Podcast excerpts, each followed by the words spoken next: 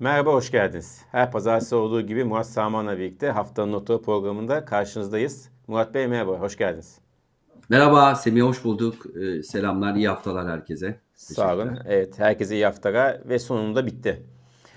Cumhurbaşkanı ikinci tur seçimi dün sonuçlandı. Ee, Erdoğan yeniden kazandı ve 13. Cumhurbaşkanı olarak e, görevine başlıyor artık. Ee, uzunca bir sürede seçim atmosferindeydik. E, seçim gerilimini yaşadık. Artık kaldı. Bugün yeni e, önümüzdeki yeni dönemin ilk günü. Ve biz bu ilk gün itibariyle hem yakın gelecekte neler yaşanacağını hem de piyasanın durumunu Murat Bey her zaman olduğu gibi konuşacağız. Murat Bey istiyorsanız Erdoğan'ın seçim zaferiyle başlayalım. Seçimi kazandı. Ne diyorsunuz?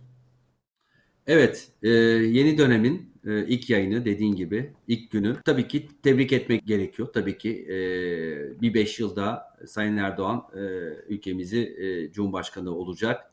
E, milletin kararı sandıklarda oy verildi, oy sayımı yapıldı ve e, demokrasi adına dediğim gibi e, iyi bir sınav verdik burada. Onun için tebrik etmek lazım. İyi sınav verdik bu tarafta ama şunu da belirtmek isterim. Tamamen ben biliyorsun yani iyisiyle kötüsüyle ne görüyorsam objektif bir şekilde değerlendiriyorum. Çok eşit şartlarda olmayan bir seçim oldu. E, bunu zaten herkes söylüyor. Bir tarafta tüm devlet imkanları, medya, e, diğer taraftan dediğim gibi çok daha az kısıtlı imkanlarla bir seçim yarışı oldu ki bu demokrasilerde normalde çok görmediğimiz gelişmeler. Genellikle tabii ki seçim kazananı var, kaybedeni var. Demokrasilerde şunu da ifade edeyim. E, kaybedenler genellikle görevi bırakır ya da görevini başkasına teslim eder. Yani bu ben bunu çok e, uzun yıllar yurt dışında yaşadım, gördüm.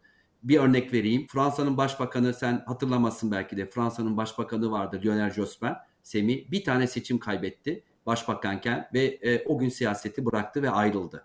Yani böyle olsun diye demiyorum ama bir şekilde dediğim gibi her iki taraf için söylüyorum. Demokrasilerin gereğinde bunların e, yapılması gerekiyor.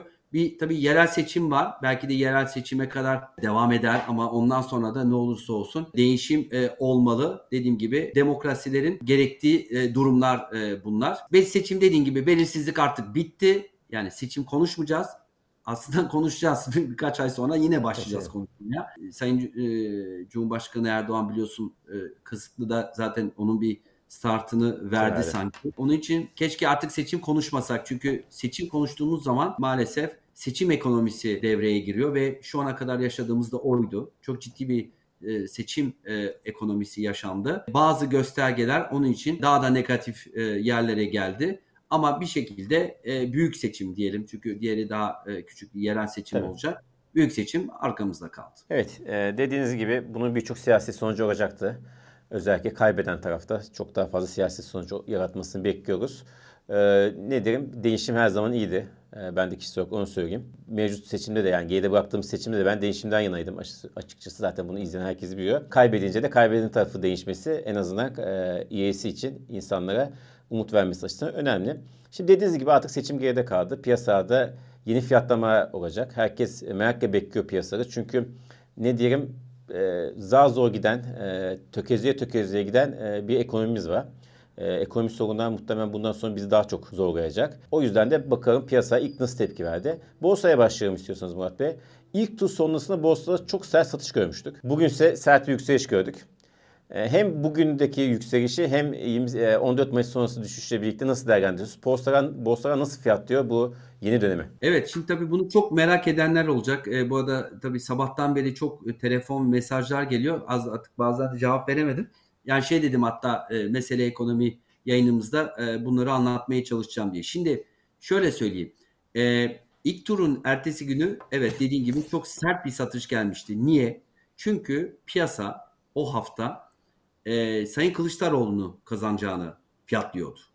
E, ilk turda bitmesini bekliyordu ve piyasa bunu fiyatladı. Niye bunu fiyatladı? İki gelişme olmuştu bir önceki hafta. Biraz hafızaları tazeleyelim.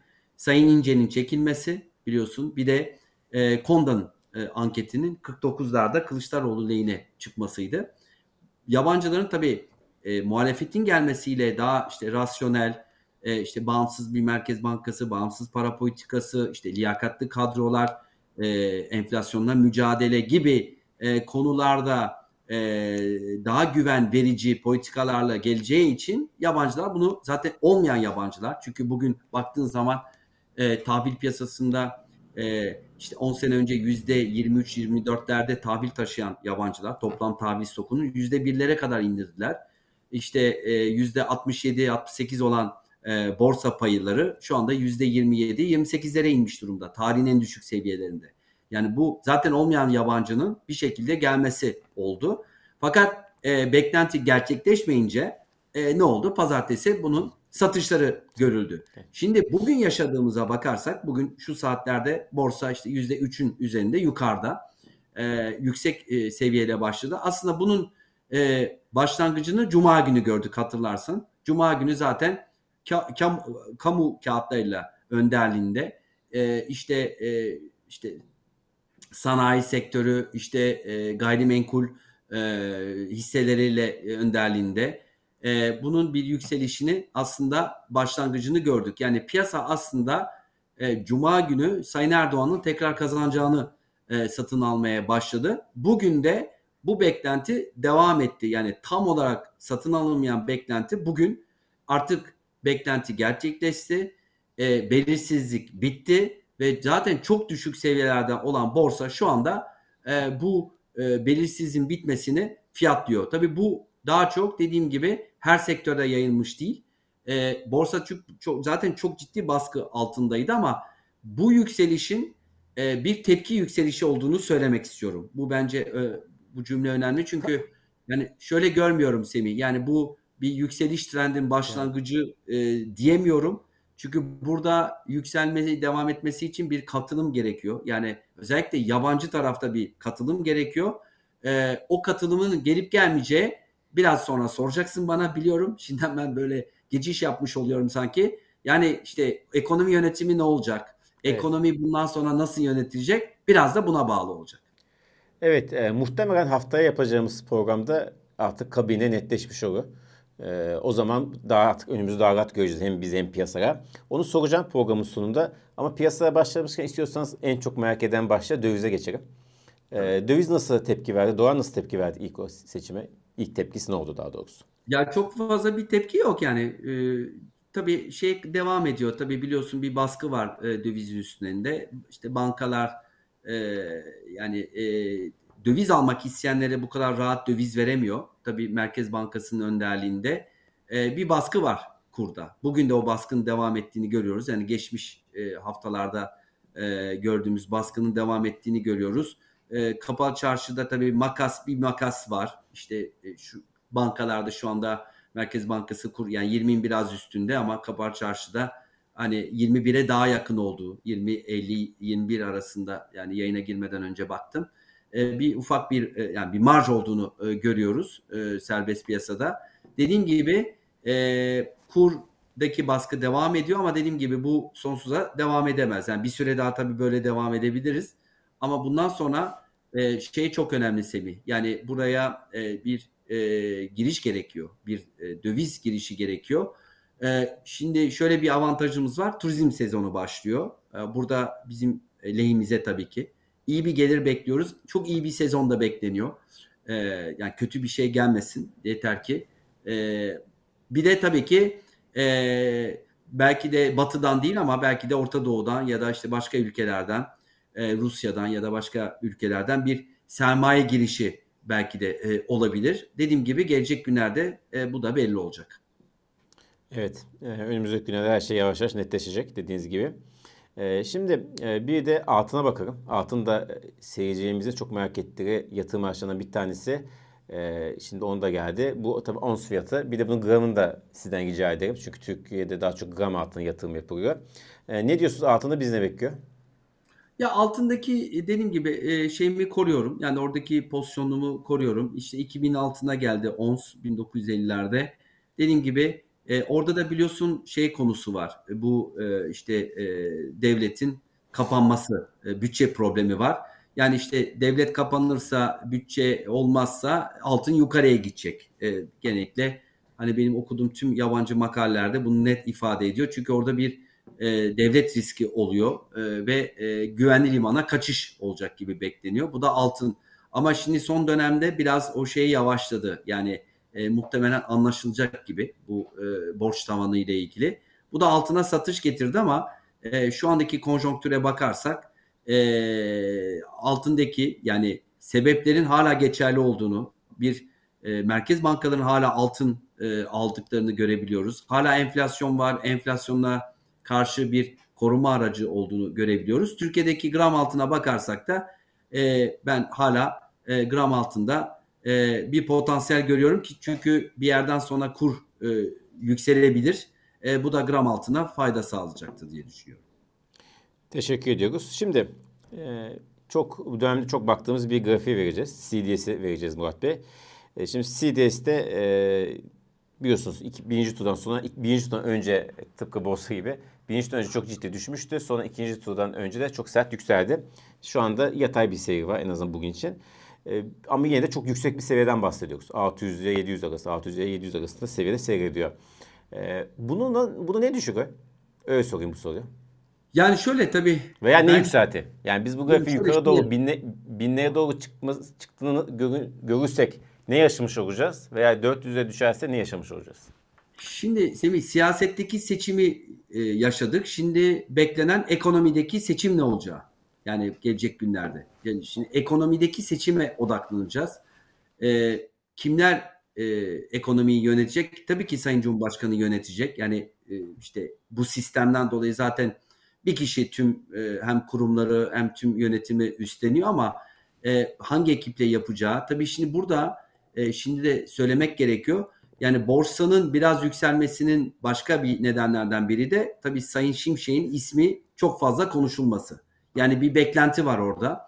E, tabii ki Sayın Şimşek şu anda yani mevcut kadroların arasında e, belki de piyasalara en yakın olan kişi. Yani piyasaların sevdiği bir isim e, başarılı da bir isim e, dediğim gibi e, güven veren de bir isim özellikle yurt dışı e, bunu işte Sayın Babacan, Sayın Şimşek bu isimler dediğim gibi e, yabancı yatırımcılarla görüştüğün zaman e, bu, bu güveni görüyorsun. Şimdi e, böyle bir beklenti var. E, bu beklentiyle tabii e, piyasalar dediğim gibi belki de bunu bir miktar e, satın almaya çalışıyor. Bu hafta belli olacak. E, Sayın e, Lütfü Elvan, Sayın Cevdet Yılmaz. Yani bu isimler de konuşuluyor. Şimdi tabii Sayın Şimşek'in gelmesiyle birlikte ekonomi politikalarında bir dönüş işareti de e, olacaktır. Yani dediğim gibi e, ortodoks bir para politikası, işte belki de enflasyonla daha sıkı bir mücadele. Tabii erken seçim yani yerel seçimin olması da bir engel burada. Evet. Çünkü dediğim gibi bütün bu enflasyonu çözmek Semi bunun ciddi bir maliyeti var ekonomide. Yani bir Şimdi, küçülme maliyeti var. İşte o da soru işaretleri var. Tam, tam, tam da burada şunu sormak istiyorum. Şimdi Erdoğan, Cumhurbaşkanı Erdoğan e, enflasyon faiz ilişkisinin altını daha birkaç gün önce çizmişti bir televizyon programında. O da o da bir değişiklik yok. Zaten değişiklik beklenmiyor. Ama dünkü bakan konuşmasında şunu söyledi. Enflasyonun yol açtığı fiyat artışlarından kaynaklanan sıkıntıları gidermek, refah kayıplarını telafi etmek önümüzdeki günlerin en acil konu başladı. Evet. Yani esasında enflasyon sorununu kabul ediyor. E, ama bunun çözümünü farklı bir yerde görüyor. Siz, e, bu çok zor bir soru tabii. Dedi, bu çok zor bir sorunun cevabı ama sizin ana senaryonuz nedir? Yani faiz politikasında bir değişiklik olacak mı sizce? Veya e, ekonomi genel olarak ekonomi yönetim anlayışında önemli bir değişiklik olacak mı? Yoksa mevcut sistemi biraz revize haline devam edeceğiz? Sizin ana senaryonuz hangisi?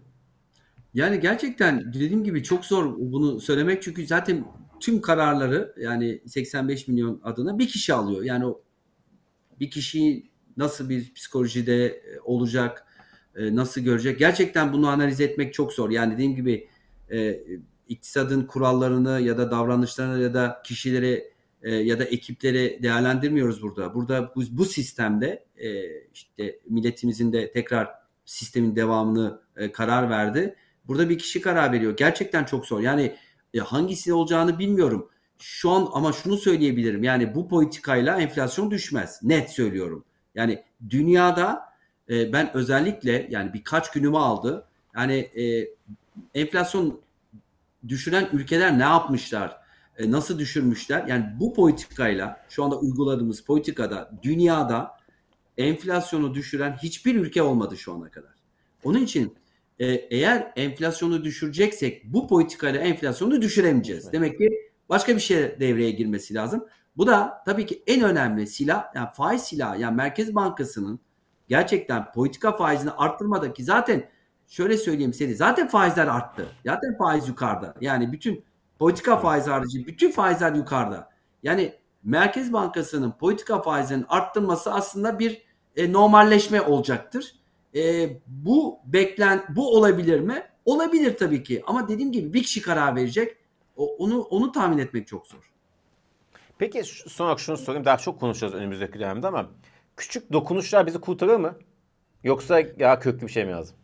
Ya tabii daha köklü bir şey lazım. Yani enflasyonu yani şimdi idare edebiliriz dediğim gibi birkaç e, zamanda idare edebiliriz ama problem enflasyonsa enflasyonda köklü bir şey olması lazım. Yani e, hem sıkı para politikası hem e, sıkı maliye politikası buna eş anlamlı yürütülmesi lazım. E, güven tesis edilmesi lazım. E, dediğim gibi en büyük silah faizini kullanmamız gerekiyor. E, yani bir de bağımsız bir para politikası e, gerekiyor. E, dediğim gibi e, Sayın Şimşek tabii ki bunları yapabilir. Bu alan verilirse e, ama orada da tabii ki çok soru işaretleri var. Çünkü daha önce de bu e, aslında bu dönemi yaşadık Sayın Ağbal ve Sayın Elvan'la bunu daha önce konuşmuştuk. O dönem nasıl iyi gittiğini de gördük ama tekrar bir e, politika değişikliği olunca e, görevden alınmalar oldu. İşte 3. Merkez Bankası Başkanı'ydı görevden alınan Sayın Ağbal. Yani tekrar böyle bir şey Sayın e, Merkez Bankası Başkanı devam edip etmeyeceğini de bilmiyoruz. Yeni bir Merkez Bankası gelecek evet. mi gelmeyecek mi? Ee, bilmiyorum senin duyumların var mı bu konuda? Ee, e, orada da e, şu anda e, şeyler belirli değil. Onun için yani haftaya ben, herhalde kadroyu gördükten sonra var mı orada bir duyumun senin? Yok duyum yok. Mesela tahminim var. Ee, ben Kavcıoğlu'nun Karacanlı Merkez Bankası Başkanlığı'nda eğer kalmazsa da e, sarayda, kabinede yer alacağını düşünüyorum. Çünkü e, istenenlerin hepsini yaptı. Yani o konuda e, bir şey yok. E, bir sıkıntısı Ama yok. Ama burada tabii, tabii Sayın Şimşek de gelirse tabii e, burada tabii ki onun da e, evet. yani herhalde evet beklentileri olacaktır. Burada burada tabii Ankara e, bu konuda biraz şeydi. Şimdi kulisler dönüyordu. Belki Erdal Sağlam'la bir yayın yaparız. E, o bu konuda daha şey. Ankara kulislerinde. O tabii tabii o, o şey sana kabineye falan hepsini söyler. Evet.